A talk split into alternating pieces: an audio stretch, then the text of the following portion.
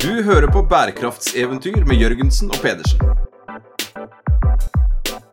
Bli med på eventyrlig jakt på bærekraftig business.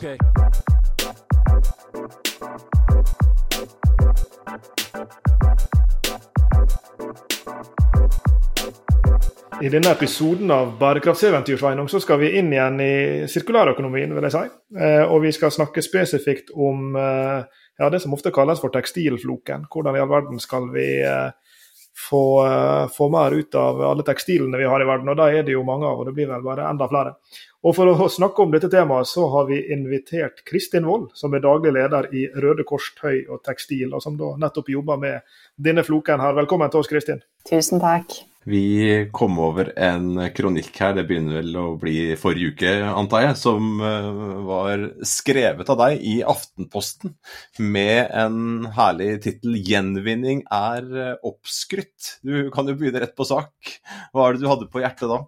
Det, det som eh, jeg prøvde å si noe om i den kronikken, er at, er at gjenvinning er, er, på en måte Det har blitt en slags kollektiv eh, psykose.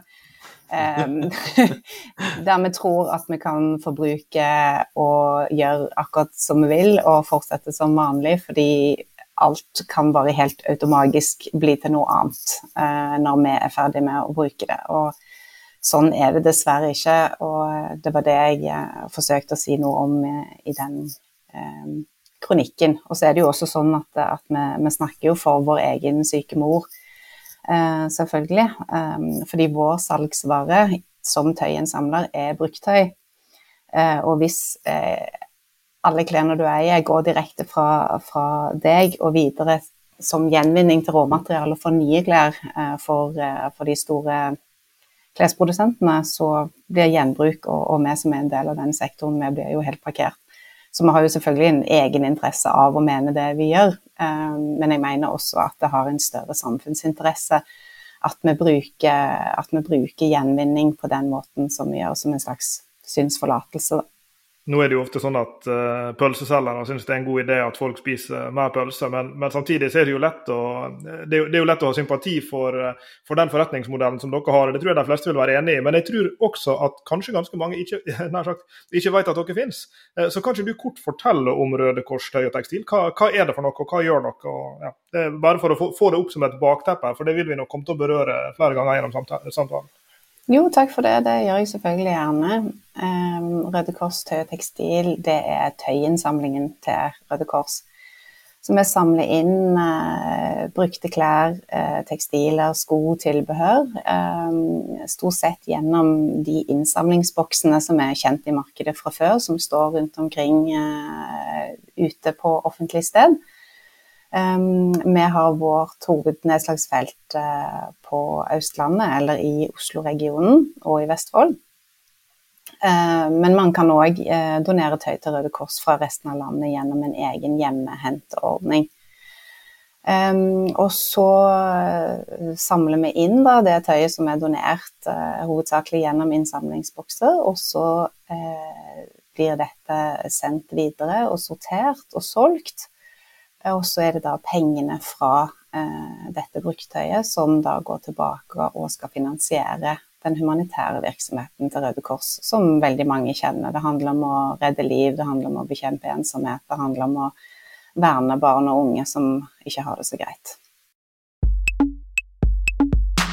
Jeg må bare Det er et lite sidespor, det er litt sånn tilbakeblikk på denne kronikken. For vi har jo skrevet noen kronikker i, i vår tid, og den, endte jo opp med en fiffig, fiffig tittel. 'Gjenvinning er oppskrytt'. Men prøvde du å få gjennom tittelen 'Gjenvinning som kollektiv psykose'?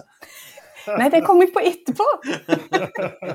det var selvfølgelig det jeg burde prøvd på, liksom.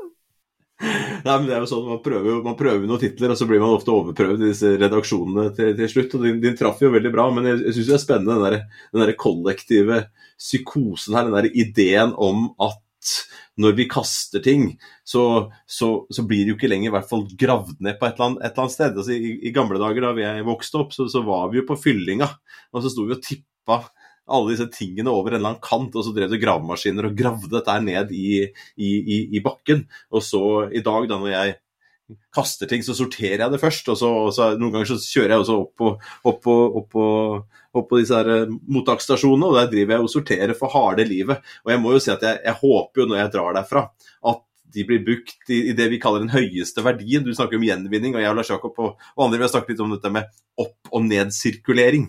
Og I kronikken din så skriver du at denne, denne, denne plastflasken som blir til en fleecegenser, ja, den er jo på vei til søppelfyllinga men det, det, går litt seinere. I verste fall så hadde jo plastflasken endt i havet. Um, alternativt kunne blitt brent og fått energi.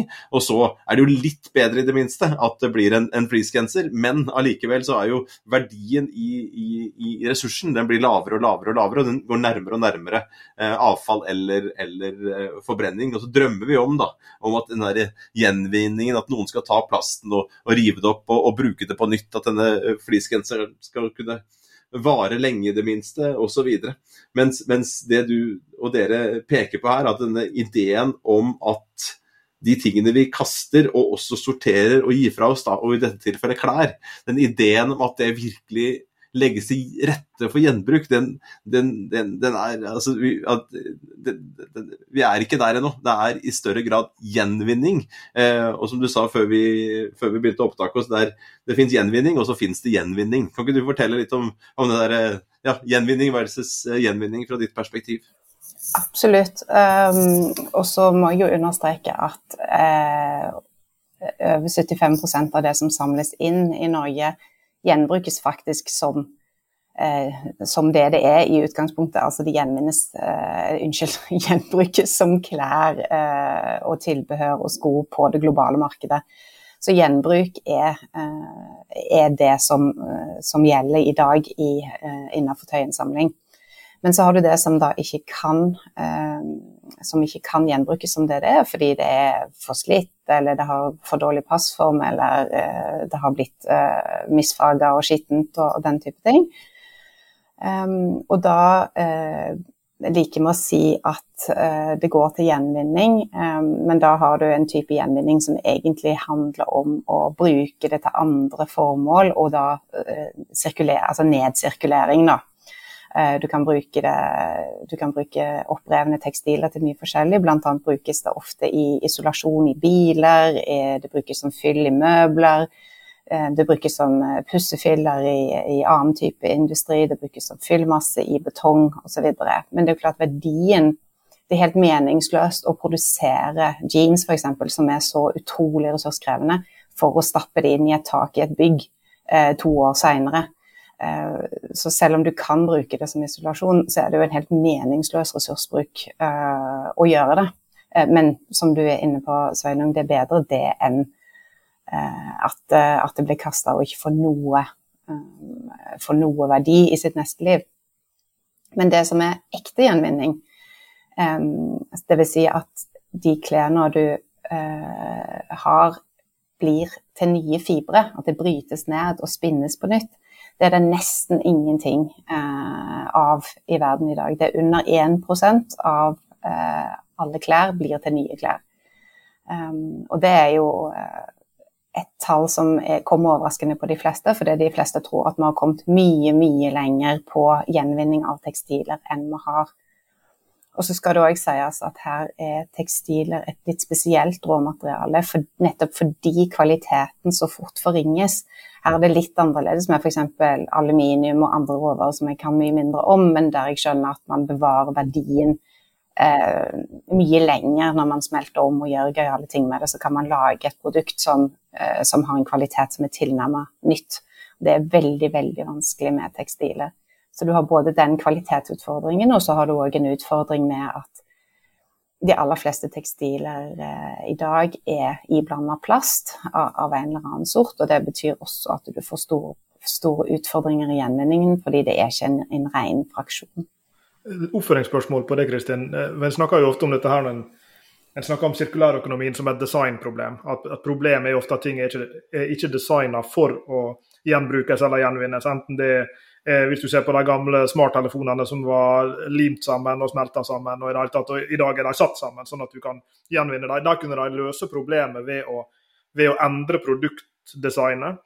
Eh, og så er det som du sa, noen eh, ressurser som enkelt og greit har den egenskapen at de er veldig gjenvinnbare, sånn som aluminium, som du nevnte. Som, som er jo, der er det egenskaper ved materialet som sådan som gjør at det kan gjenvinnes lett. Eh, hvor er vi hen på, på, den, på det spekteret der med tanke på, på, tekstiler? Er det tekstilene i seg sjøl som gjør at det er vanskelig å gjenvinne, eller er det et designproblem i betydning at hvis en hadde designa klærne på en annen måte for å kunne bli gjenvinnbare, så hadde en kunne gjøre det, om du skjønner spørsmålet? Ja, eh, og det, jeg vil si at det er eh, begge deler. Altså det handler om tekstil som råmateriale, eh, som er et vanskelig materiale fordi, eh, fordi, du skal spinne fibre. Og det er teknologisk vanskelig. Men det er også et designproblem, fordi eh, hvis man designer klær som har eh, som, er la, som, er mer sånn altså at de lages i monomaterialer, da, som man sier. Altså at det lages bare av bomull, f.eks så er det eh, et plagg som er enklere å, å, å gjenvinne, og da snakker jeg den ekte gjenvinningen, enn eh, en et, blandings, eh, en et, blandingsprodukt. Så det, er, så det, er, begge deler. Det er både egenskaper ved, ved materialet, og det er egenskaper ved designprosessen. Så du kan, du kan, gjøre mye med designprosessen, men det viktigste, sånn som jeg ser det, som du kan gjøre med designprosessen, det er å lage ting som har bedre kvalitet. Um, fordi det, dette handler jo også om volumer og omløpshastighet. Um, sånn at det, selv om det finnes flotte initiativer i dag, så, så, klarer ikke de i nærheten av å ta unna de enorme volumene. Uh, hvert år så tar vi inn ca. 80 000 tonn med nye tekstiler i Norge. Og så samles det inn ca. 35 000 tonn dette er i Norge. Tenk deg hvordan dette ser globalt. Altså, det er noen tall og noen volumer som er helt enorme.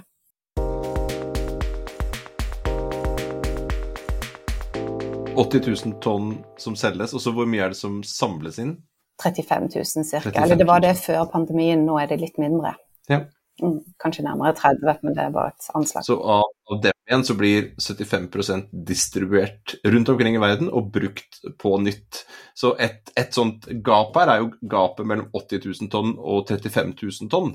Så det, jeg, jeg, sitter her og bare lager et sånt lite hjernekart for meg sjøl på barrierer. For at i, mm. i den kronikken så, så, så, ga du en oppfordring til politikerne på slutten der.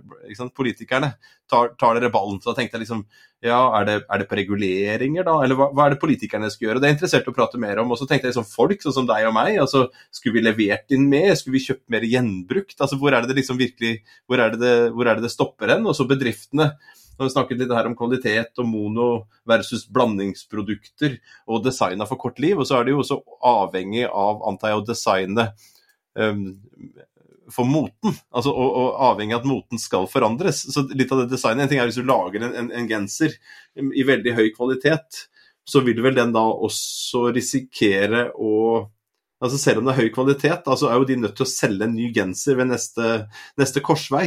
Eh, og da om, om, de selger varer av høy kvalitet som er mer attraktive å gjenbruke, så må de vel også følge og prøve å forandre moten. Jeg bare tenker litt på dynamikken an, hos andre aktører enn eh, en, ja, de aktørene som er rundt deg, da, bare for å, for å, forstå dette bildet i denne floken. Kan du, kan du utdype litt om disse ulike, disse ulike interessentene, da, og, og hvor, er det, hvor er det det butter imot? Ja, det kan jeg prøve på. Og jeg vil jo si at det butter imot sånn cirka på alle disse frontene som, du er, som, du er, inne på nå. Mm.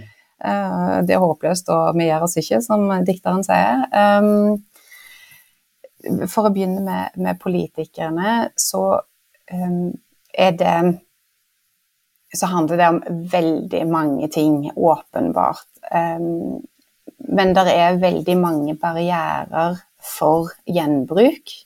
Altså det handler om en brukthandellov som er utdatert. Det handler om at uh, på uh, brukte klær som selges i Norge, så betaler man egentlig moms to ganger. og Det er jo både når det selges første gang og andre gang. Og Det er en sånn dobbel momsing som ingen egentlig helt skjønner uh, hvorfor det er sånn, men det er nå sånn det er. Det betyr det er jo nok en barriere. Um, Norge er et høykostland, så det er veldig dyrt med reparasjoner. Det har vært snakk om, om halv moms på reparasjon, f.eks. Men det er klart at det det vil jo ikke monne noe voldsomt. Eh, vi skal huske at av alt det som samles inn i Norge, som jeg snakket om, de, de mange tusen tonnene, så er det ca. 3% som går til gjenbruk innenfor landets grenser. Eh, så dette handler jo òg om et veldig kresent publikum, som ikke kjøper hva som helst, for å si det forsiktig. Sånn at, eh, at det skal mye til um, før det norske gjenbruksmarkedet antar volumer som virkelig betyr noe, da, og som virkelig har en, en, en, en bærekraftseffekt. Men der er det veldig mye å gjøre på barrierer.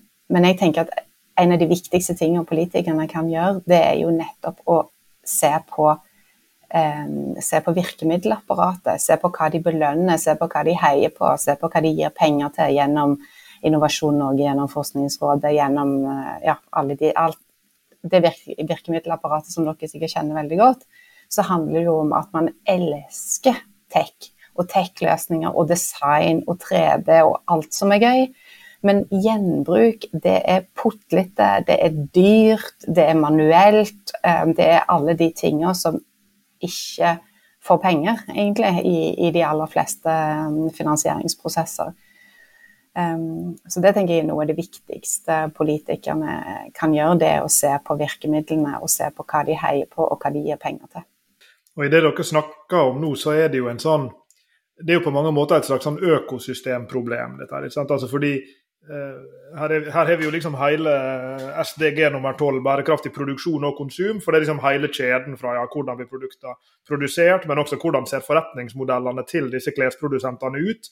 Hvis du er fast fashion, eller til og med super fast fashion, som det vel er som heter nå, eh, så, så, ligger jo det bakt inn i forretningsmodellen din at du skal ikke lage ei T-skjorte som folk bruker i tre år, de skal kanskje bruke i tre uker, og så skal de ha ei til. Og, og det er klart at Der er det noen utfordringer. Og så er Sveinung eh, stiller et spørsmål her som, som da går på Kall det konsumentenden, altså hva er det konsumenten vil, og hva er det konsumenten vil være med på. Og du, og du berører jo også det her, Kristin. Eh, eh, jeg, jeg, tenker litt på Vi snakker jo med våre unge studenter, som i økende grad handler på Tice, og de leier klær på eh, Er det Fjong som du leier på? Jeg mm. går litt i ball for meg her. Men så, mm. her er jo noen sånne konsumtrender som går i favør av dette utviklingstrekket, samtidig som vi vet at de store massene de går jo fortsatt inn på Hennes og Maurits eller Kapal eller Høyer, eller hvor de enn går og kjøper klærne sine, så, så, er det jo liksom etter den gamle modellen i en viss forstand.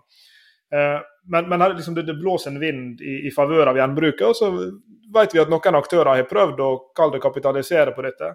Uh, Fretex, hvis jeg husker rett, hadde et eller annet opplegg med Jenny Skavlan for noen år tilbake igjen, hvor de skulle prøve å gjøre gjenbruk til en litt mer sånn happening-greie.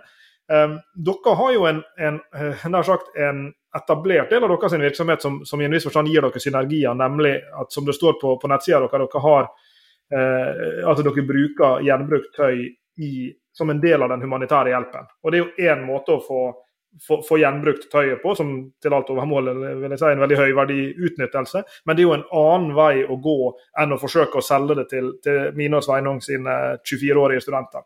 Eh, I, i altså, hvordan ser den miksen ut fra deres side med det å og nær sagt bare ikke bare, jeg mener ikke som en, som en eh, liksom lavere utnyttelsenivå, det, men, men det å, å, å, nær sagt kunne bruke det inn i det humanitære arbeidet dere gjør, kontra i hvor stor grad forsøker dere å også rigge dere for å selge til den jevne nordmann som skal ha en ny skjorte eller en ny bukse, eller hva det måtte være? Og, hvilke grep tar dere i så fall for å forsøke å treffe det markedet der?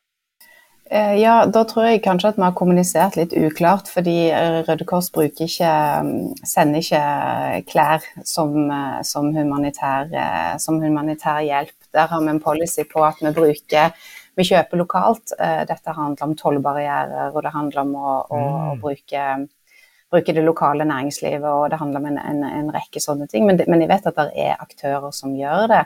Så, så det, det, det, er helt klart mulig, men det vil uansett være en veldig liten del av uh, det totale innsamla av det totale innsamla um, volumet. Og når det gjelder den, uh, den, delen med å bruke eh, liksom å, å, vekke det norske publikum og disse, disse ungdommene hos dere som studerer, som studerer så, så, har jo Fretex gjort en fantastisk jobb på å fremme gjenbruket som fashion. Um, og, og, komme vekk fra mye av dette her med at, at det å kjøpe bruktøy var det var litt sånn småkjipt, og det var veldig veldig prega av skattejakt. Og det er fremdeles skattejakt, fordi alle plaggene er jo unike. Men, men det har, helt, det har jo blitt en helt annen opplevelse å gå inn på en Fretex-butikk, og de kjører også sånn De har også en sånne egne butikker som de kaller for Arkivet, som da, der det er liksom ekstra Der er det lagt ekstra arbeid i å fremheve de fine, uh, de fine plaggene, da. Så de har gjort en, en um, fantastisk jobb der. Røde Kors som innsamler har, ikke, uh, har, ikke, den typen muskler i, i det markedet ennå. Men det er jo klart at dette er jo, dette er jo kjempeinteressant. Og f.eks. I, i Storbritannia så er eh, Røde Kors en kjempestor aktør på, på, gjenbruk og har mange hundre butikker rundt omkring i, i, Storbritannia. Så det er klart at vi ser jo at markedet vokser, og det er et interessant, et interessant marked. Og så trekker dere begge opp dette med, med produsentene.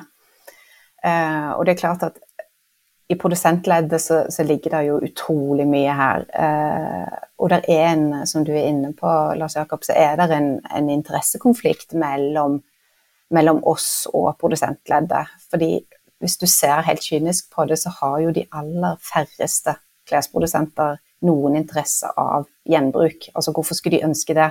Det betyr jo det at eh, hvis, hvis du gir meg de skjorta, og, stedet, og så jeg bruker den istedenfor å kjøpe ny en, så har de gått glipp av de pengene. Um, så det er veldig få insentiver for at de skulle ønske det, og derfor er de også noen av de som pusher veldig, som jeg også er inne på så vidt på slutten av kronikken min, så er de noen av de som pusher på uh, for, å, for å gå direkte på gjenvinning. Altså de er med på å opprettholde denne ideen om at man bare kan legge ting inn i en maskin, og så blir det til noe nytt. Um, og om det heter conscious collection eller hva det heter for noe, uh, så er det jo det inntrykket man får, når i realiteten så er det plastflasker man kler seg i, og ikke gamle klær, selv om det er liksom det man tror man gjør, da.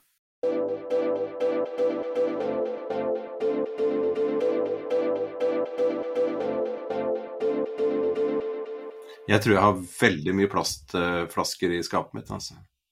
Jeg tror jeg har veldig mye plast i klærne mine. Jeg elsker jo plast i klær. Jeg, jeg kjøper jo alltid sånn teknisk tøy til å trene i.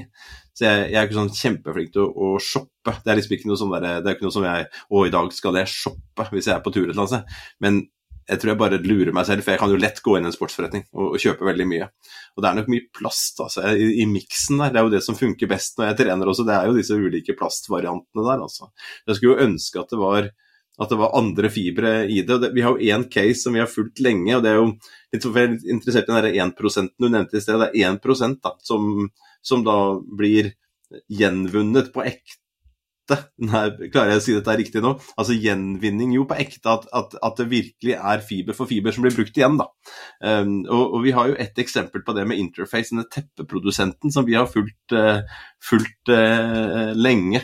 Uh, du, du, var jo takket i, i, forordet på, i den første boka vår, 'Ansvarlig og lønnsom', for da var du involvert i, i prosjekter i en annen, en annen jobb enn du, enn du har i, i dag. og, og og allerede der så snakket vi om, om interface, husker jeg, og var veldig fascinert av det. Og litt av den oppdagelsen som skjedde den gangen i 1995, da, hvor de skjønte at de var, som han sa, Ray Anderson, i, i framtida så vil, vil, vil, folk som meg bli satt i fengsel. Fordi at den virksomheten vi driver med, det er da å lage tepper, altså tekstil, et tekstilprodukt med, my, med, mye plast i, eh, mye olje, oljebasert plast, um, for kort varighet. Eh, og når de er ferdige, så bare river vi den opp, og så dumpes de. Eh, og i USA og andre land så er det store, store mengder med tepper som da ligger dumpet rundt på avfallsplasser. Men den gangen så bestemte jeg at de skulle begynne å resirkulere. Men det fantes jo ikke noe teknologi som kunne gjøre det. Spoler vi fram til i dag, så kan du lese om Interface sine prosjekter i, i Filippinene, hvor, hvor, de betaler fiskere til å hente ut uh, garn fiskegarn som da ikke lenger blir brukt, som er da ødelagt, og som kan ligge rundt i koraller og andre steder. Og så blir det samlet inn, jeg tror det blir sendt til Slovenia, hvis ikke jeg tar helt feil. Og så lages det fiber av det, som blir brukt igjen i nye tepper. Eh, og så har de også lagt opp til en utleiemodell rundt teppene sine, eh, hvor de leier ut teppene og eier teppene, sånn at de kan hente inn og for det første, som, som snakk om her, kvalitet i produktet. De, de, vil tjene penger på et teppe som varer lenge, for de får betalt av kunden over tid. Så de måtte tenke nytt omkring sin forretningsmodell. Men så har de også tenkt på tech. da. Og det tok lang tid for dem å utvikle den maskinen, så de faktisk kunne ta tilbake tepper og, og lage det. Og hvordan er teknologien i dette markedet her per i dag? Er den på en måte umoden? Er den altfor dyr? Er det som du sier, er det for mye blandingsmaterialer, sånn at alle mine plast- og, og, og bomullsplagg, da, når jeg ikke når de er utslitt. Ehm, at det ikke går an å gjøre det. Hvordan står det sånn rent teknologisk? Det som er noe av utfordringen her, det er at uh, selv om du Altså, det er, er, jo en maskin for alt, som vi vet. Uh, så det er ikke noe Teknologien er på plass for å kunne både gjenkjenne materialer og skille på materialer og, og gjenkjenne farger og sånn. Den teknologien vi ikke har, kanskje heldigvis, det er den teknologien som kan se om et plagg har salgsverdi. Um, og der må det altså menneskehender inn. Og hvis du da tenker deg en sånn klescontainer som vi har, og når, den, når det innholdet i den skal sorteres, så må det altså menneskehender til. Hvis ikke, hvis alt det der går inn i et gjenvinningsanlegg, så vil du da eh, miste 75% potensielt gjenbruk. Derfor må du ha en manuell eh, forsortering. Og så eh, kan det som du da sorterer ut som dette har faktisk ikke gjenbrukskvalitet, dette har bare gjenvinningskvalitet. Og så kan alle de flotte maskinene trå til. Så det er både eh, Altså det er både tekniske utfordringer, men det er først og fremst en utfordring med at du må eh, I og med at alt dette blandes sammen, så må du ha en uh, manuell forsortering hvis det gir mening. Det er jo interessant uh, akkurat det her, fordi der er jo Hvor jeg leste om at de har, har sånne opplæringsprogram for det er en eller annen virksomhet som driver med, med bøker og plater og sånne ting. Og det er jo en kunst, det der. ikke sant? Jeg har, brukt, jeg har gått og tråkka uh, mine timer i, i, i bruktsjappe for, for vinylplater over hele Europa. Og det er jo en kunst å, å finne det som, er, det, det som har verdi. Og noen sitter jo og kuraterer det der bak den platebutikken, bak den bokhandelen osv. Eh, men nå kan jo det være Kristin, at, at, dere vil få litt drahjelp av det regulatoriske her, og at interessene til disse produsentene og også til retail-leddet vil at liksom planetene vil stille seg litt mer på rekke med, med deres interesse. For det er jo et, eh, et regulatorisk uh, utviklingstrekk som, som, angår dette her i veldig stor grad nå, nemlig EU sitt såkalte Uh, Sustainable Products uh, Initiative, som skal føre til et slags Sustainable Products Directive, etter det jeg har forstått. Uh, og, og, tanken her er jo å gjøre det vanskeligere, om ikke umulig, for, for produsenter og for retailere å, å, bare kaste eller brenne usolgte varer. Og, og, tanken, slik jeg forstår det, da, er, er å ja, dels få dem til å planlegge bedre, altså inventory management, og smart, produsere smartere på det, i det omfanget som trengs, men selvfølgelig også å finne måter å, å eh, avhende på, på, gode måter produkter. Det betyr å sette opp sine egne second hand-butikker, eller det på andre måter. Eh, altså for, for um, varer som går raskt ut på, på dato, som mat f.eks., så må det vel innebære å samarbeide enten med om det er et superkjøkken eller hva vet jeg. Men, men de må i alle fall finne måter å, å å gjenbruke varene på. Og Det vil jo kanskje bety at om få år så vil disse klesprodusentene i realiteten måtte bli partnere med sånne som dere. Altså at de vil måtte tenke at de varene som vi ikke får solgt, ja kanskje skal vi sette en lastebil med Kristin Wold sin adresse og sende, sende disse usolgte T-skjortene dit. Eh, Ser dere at, at, vinden blåser i deres retning på den måten, og at kanskje disse interessekonfliktene mellom dere ikke konflikter, men, men liksom eh, avviker i interesse mellom dere og, og produsentene eh, vil bli mindre over tid? Det er iallfall potensial for det som du, som du er inne på. Gjennom bl.a. Uh, dette arbeidet med en utvida produsentansvarsordning. Uh, og uh, der vil, man, eh, der vil man måtte adressere denne type problemstillinger. Og vi ønsker jo selvfølgelig både vi og helt sikkert også alle de andre eh, organisasjonene som samler inn eh, til inntekt for gode formål, vil jo ønske å være en umistelig del av den verdikjeden som nå settes opp. Men nettopp derfor er det så viktig å si at, at den gjenbruksdelen må inn. Eh, både når det gjelder overforbruk, altså det som aldri har vært ute i markedet, men også den delen som gjelder at det er bruk igjen i tøyet etter første eier, og før det eh, kommer dit hen at det da eventuelt skal eh, gjenvinnes i denne fantastiske maskinen som vi skal oppfinne, som kan gjøre det. Um, så det, det, det, er absolutt store muligheter her, og vinden blåser jo veldig i retning av, eh, av både økodesign, men òg det er snakk om også en økomodellering uh, på uh, det som tas inn i landet. Er det sånn at man kan straffe i anførselstegn, uh, dårlige ting og belønne gode ting? Sånn skal det legges på avgifter? Og da vil jo de kunne gå til å finansiere gode ordninger. Men da er det viktig nettopp at man i de gode ordningene som skal finansieres, bl.a. til hjelp av produsentene, at man da ikke hopper bukk over gjenbruk og går rett på gjenvinning, fordi det er så innmari gøy.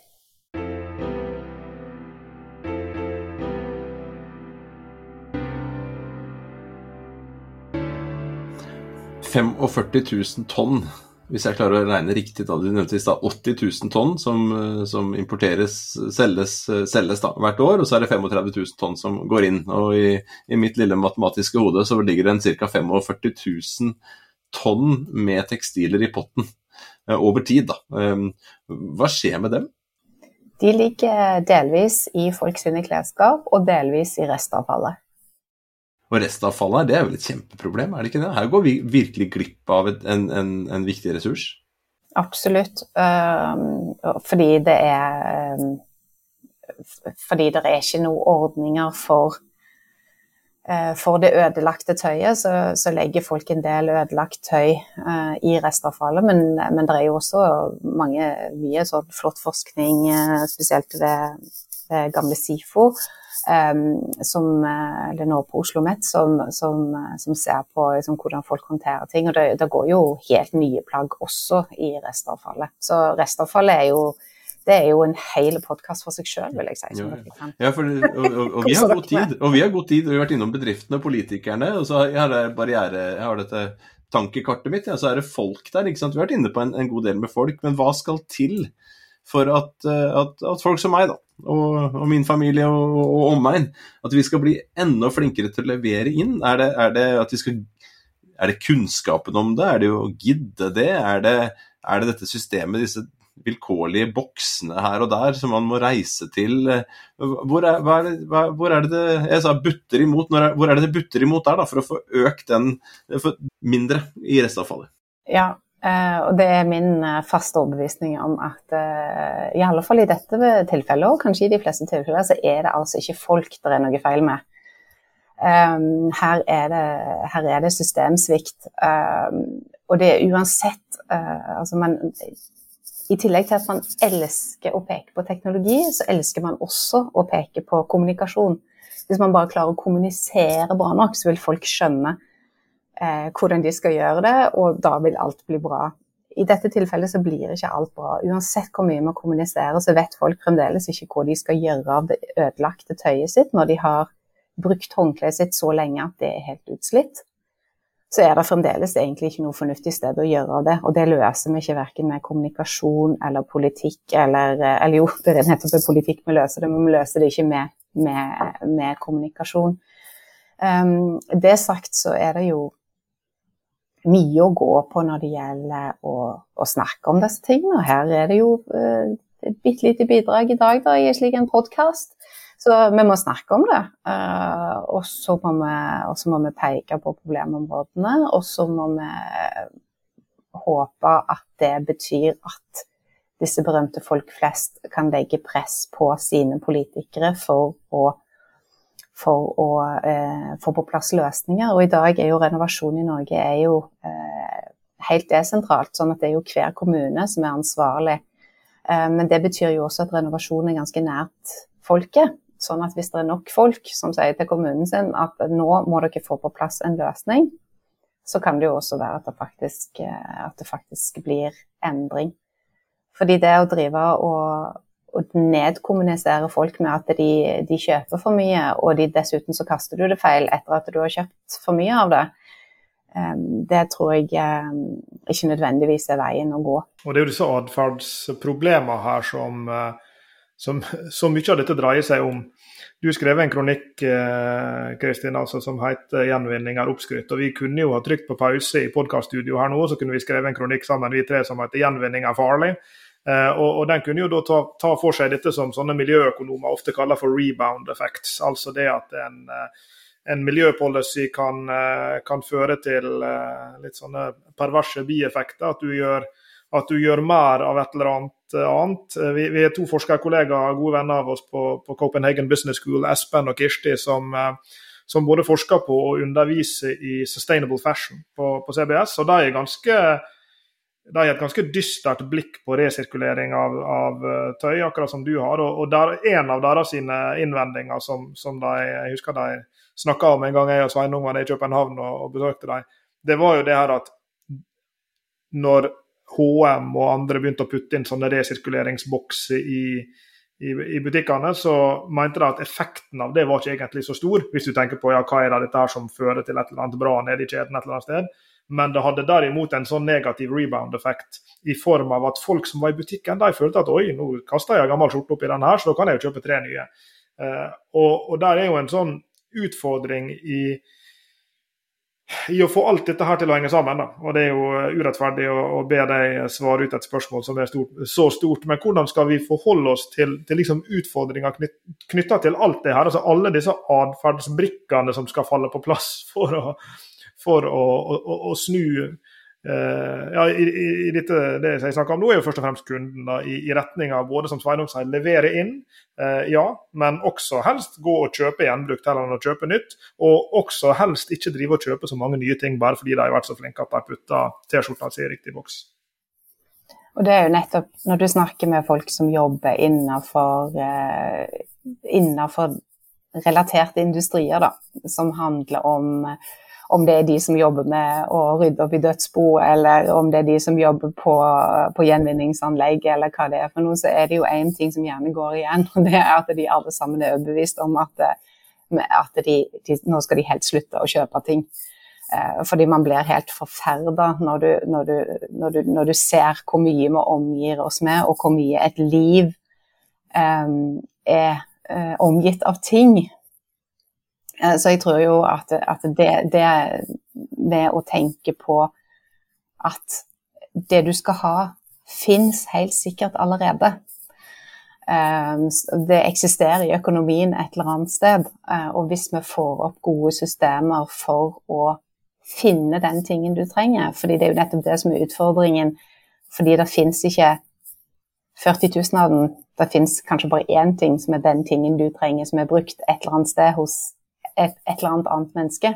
Og det å jobbe med de løsningene som gjør at det blir lettere å koble eh, tilbud og etterspørsel i bruktmarkedet, det tror jeg er en, eh, en, veldig viktig ting. Fordi ja, som sagt, det du trenger, det finnes nok der ute allerede.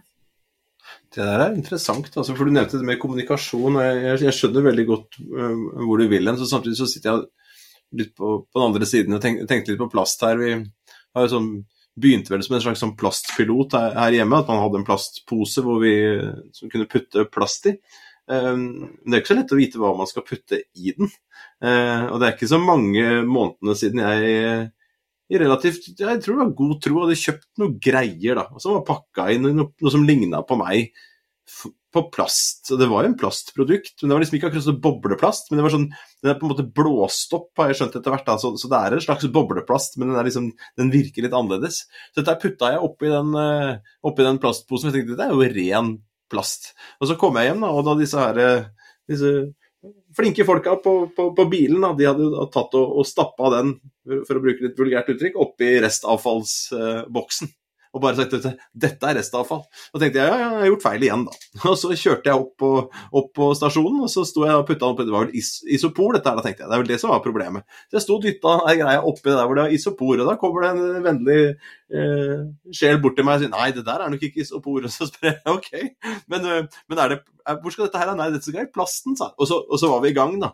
Og så kom det jo tre andre som var også like interessert i dette, så vi sto jo og blokkerte hele rampa. Og så sto vi der lenge og diskuterte fram og tilbake. Og så skjønte jeg at det var en sånn 21 til 23 forskjellig type plast da, som de eh, sorterte etter. Og Det var ikke bare bare for de som var ute på bilene eller, eller meg her hjemme, da, å skjønne hva, hva, hva, man skal gjøre med hva. Så den der kommunikasjonsdelen som pedagogisk utfordring som går helt hjem til meg, da, som står der og velger hva skal jeg gjøre, gitt den informasjonen jeg har. Og så kommer det nye produkter og nye som er oppblåst på den ene og andre måten, som fremdeles er plast. Da. Og så, så, så den kommunikasjonsdelen så er litt sånn skamdel også knytta til dette med klær og, og, og, og, levere tilbake igjen. For her hjemme så har vi vært sånn nei, alltid nei, det skal jo kunne brukes på nytt igjen.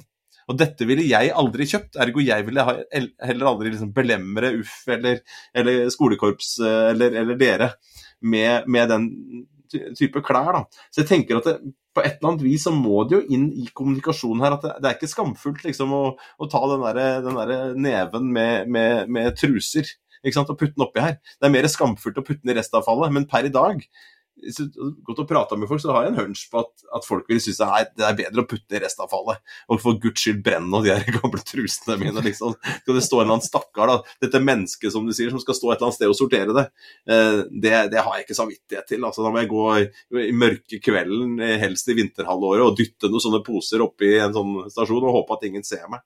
Så det må jo være en slags sånn kommunikasjonsutfordring også, som ikke jeg er alene om å ikke helt skjønne. Men det vi, det vi, ønsker oss da, i, ja. i forlengelsen av, av, av, alle trusene dine, eh, det, er jo, det, er jo, at eh, vi får en, to, en såkalt tostrømsløsning, altså der forbrukeren skiller dette hjemme og at, sånn at da kan den gå direkte til automatisk sortering, så slipper et menneske stå og ta på de gamle trusene. Um, jeg trodde du så det på eBay. Det blir mye bilder her nå. Ja. Det blir dårlig radio etter hvert. altså Godt vi ikke er på TV. Ja, men, men du, du, skjønner hva jeg mener. Hvis, hvis, du hadde fått disse direkte inn i en automatisert løsning, så, um, så uh, tar du mye av disse utfordringene vekk. Men per i dag så vil, det, så vil den posen uh, representere en kostnad og en utfordring for oss. Men hvis du legger den i restavfallet, så representerer den en kostnad og en utfordring for renovasjonsselskapet ditt. fordi da kan dette henge seg fast i disse maskinene som driver rull og går. Og så stopper de, og så blir det, så blir det produksjonsstans, og det koster ganske mye Eh, å stoppe å starte disse maskinene igjen, og folk må stå med sånne staker og dra ut trusene dine og sånn. Altså det, er, dette er, det er nesten eh, Per i dag er dette litt uløselig, og det er derfor vi må få en, få en løsning som gjør at du får skille ødelagt tøy og gjenbrukbart tøy så nærme forbrukeren som mulig, eh, er vårt, er vårt, syn på det. Men så er det noen som mener at det er suboptimalt, som det heter. fordi at det da Eh, du vil uansett eh, Folk syns det er vanskelig å sortere, og du vil uansett da vil du forsvinne og sånne ting. Så dette er jo en diskusjon på hvordan, på hvordan vi skal ordne dette. Jeg syns det har vært såpass mye prat om trusene mine at jeg kunne godt tenke meg også å, å vri oppmerksomheten over til brystholderne til Lars Jakob. Hva gjør du med disse spilene før du leverer, leverer Nei. Det, hvis, jeg, hvis, jeg, bare kan uh, skyte inn uh, det, du, det, du, sier om all den plasten som du Eller den spesifikke plasten. Så tenker jeg at det er det med uh, Lars Jakob snakket nettopp om atferd og utfordringer knytta til atferd og opplæring og den typen ting. Um, men her ser vi jo, med, med, akkurat med plast, så mener jeg at her ser vi jo et av de sjeldne tilfellene der atferden går foran løsningen. Um, fordi at jeg òg har, har, jo sortert plast i, i hauger og lass av år. Og det var jo sånn i forgårs eller noe sånn jeg skjønte at sort plastikk, f.eks. en viss type svart plastikk, den er òg en sånn kjempeutfordring i forhold til igjen altså, så det, det, her har vi som forbrukere har vi liksom, vi iler jo. Det, vi vil jo gjerne sortere, det er det kjekkeste vi vet. Uh, men, men, det er uhyre komplekst og vanskelig, og her ligger faktisk atferden foran teknologien. Og her er det jo kanskje også en sånn Sånn, et, et, et, bredere hjertesukk her da, er jo på en måte det at her er så mange sånne systembarrierer på et vis mot bærekraft. Altså, vi, vi ser jo at eh, dette her, hele denne resirkuleringsdiskusjonen, eh, hva heter den her bløffen Sveinung, på NRK, eh, denne serien med Det var vel kanskje plast det handla om. Ja. Det er så veldig mange ganger at forbrukerne får kommunisert tilbake igjen til seg at nei, men disse tingene dere gjør, betyr ikke noe. Eller disse tingene dere gjør, dere gjør dem feil. Eh, og i en viss forstand så sånn eh, Det er akkurat som sånn, det, det stikkes et lite hull med en nål i hele prosjektet hver gang disse tingene lugger. fordi til slutt så, så, blir det jo en slags form for apati og en slags form for, for um, at, at, at, kunden gir opp, da, eller forbrukeren gir opp. og, og og Det er jo noe av det farlige her, samtidig som det, selvsagt er veldig viktig at disse tingene gjøres på riktig måte. Så her haster jo det egentlig med å finne de gode løsningene og de gode systemene som gjør at ikke vi, vi liksom mister de store massene av forbrukere på veien til å, å, å vri atferden denne veien. Jeg er helt enig med deg. Det er, det er helt katastrofe, det. Og Det er derfor jeg mener også at, eh, at, det er så viktig å komme seg ut av denne, av denne gjenvinningspsykosen. Fordi eh, hvis vi blir der inne for lenge, så kommer vi til å bli desillusjonert før eller seinere. Fordi det er ikke sånn som vi tror det er. Uh, og da får du nok en sånn lite sånn stikk som gjør at du får nok en sånn der uh, følelse av at ingenting av det du gjør, nytter. Og det er ingenting som er mer ødeleggende for engasjement, eh, verken blant eh, forskere eller vanlige folk, er den følelsen av at det har jo ingenting å si uansett. Og det er jo bare helt Det må vi jo bare unngå for, for alt i verden. Vi begynte jo her med plastfloken. Og det, det, er jo en floke. Og så, og så, drar vi det oppover i hierarkien her sagt, av floker, og vi har trukket inn andre materialer som er på godt og vondt, og så er vi inne i den atferden. Um, og, og, politikerne som skal uh, legge til rette for at den atferden blir god, og andre aktører uh, som vi også er avhengig av, fra frivillige aktører, altså, som, som, dere, uh, og, og, arbeidet deres. Fretex har vi vært inne på. Så så hvordan skal vi unngå at denne samtalen ender et depressivt hjørne? For, det, sånn der, for det er jo egentlig et for stort problem å prøve å håndtere. Eh...